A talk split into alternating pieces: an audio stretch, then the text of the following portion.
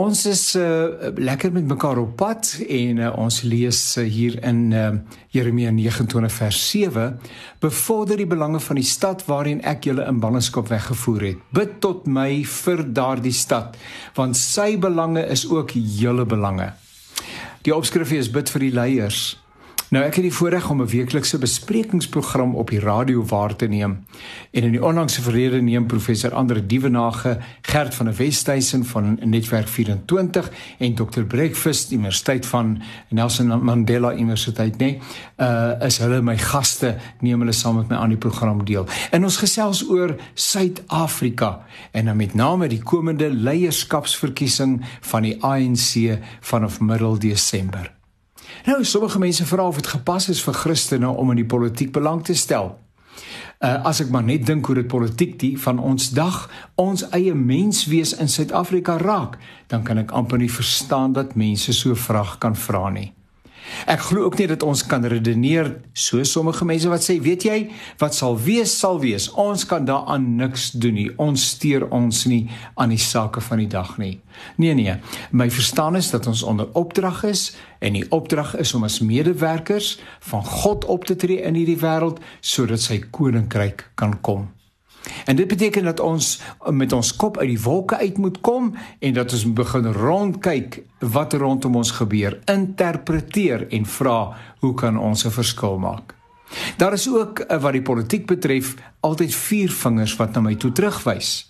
Ons is so geneig om skuld uit te deel en dat daar skuld is is nie te betwyfel nie. Die mense wat verantwoordelikheid moes aanvaar vir hierdie land en sy toekoms het verbrou en geen onsag getoon vir die mense vir wie hulle verteenwoordig nie. Dit is skreiend en dis 'n skande, maar Suid-Afrikaners staan aan die ontvangkant van gebrekkige dienslewering en kriminaliteit en korrupsie en werkloosheid en armoede te veel om op te noem en die vraag is of ons dit doodgewoon gedwee gaan aanvaar of nie. Nee, feit van die saak is is dat die burger van Suid-Afrika en statistieke wil dit mos sê dat die meerderheid van ons Christene is nie so 'n toestand gelate kan aanvaar nie. Die leierskapskonferensie van die ANC aan die einde van die jaar is derhalwe van uiterste belang vir Suid-Afrikaners. Ons kan die gebeure nie die rug toedraai nie en toekeer nie. Wie daar verkies word as leier van die heersende politieke party kan en sal ook 'n invloed hê op ons kinders en ons kleinkinders en uiteraard ook ons. Opportuniste lê en wag vir die geleentheid om die bordjies in Suid-Afrika te verhang. daarmee verwys ek na die bietjie hoop wat die Sondekommissie se verslag gebring het en uh, ons staatspresident en ander se voorneme om hierdie dinge aan te spreek maar natuurlik is almal daarmee nie tevrede nie. Nee wat? Ons het genoeg gehad van die chaos. Ons kan 'n verskil maak Ons stem weliswaar eers weer in 2024, maar intussen kan ons meewerk aan 'n gees van veranderinge. Ons kan ver betekenisvolle verhoudinge met mense bou.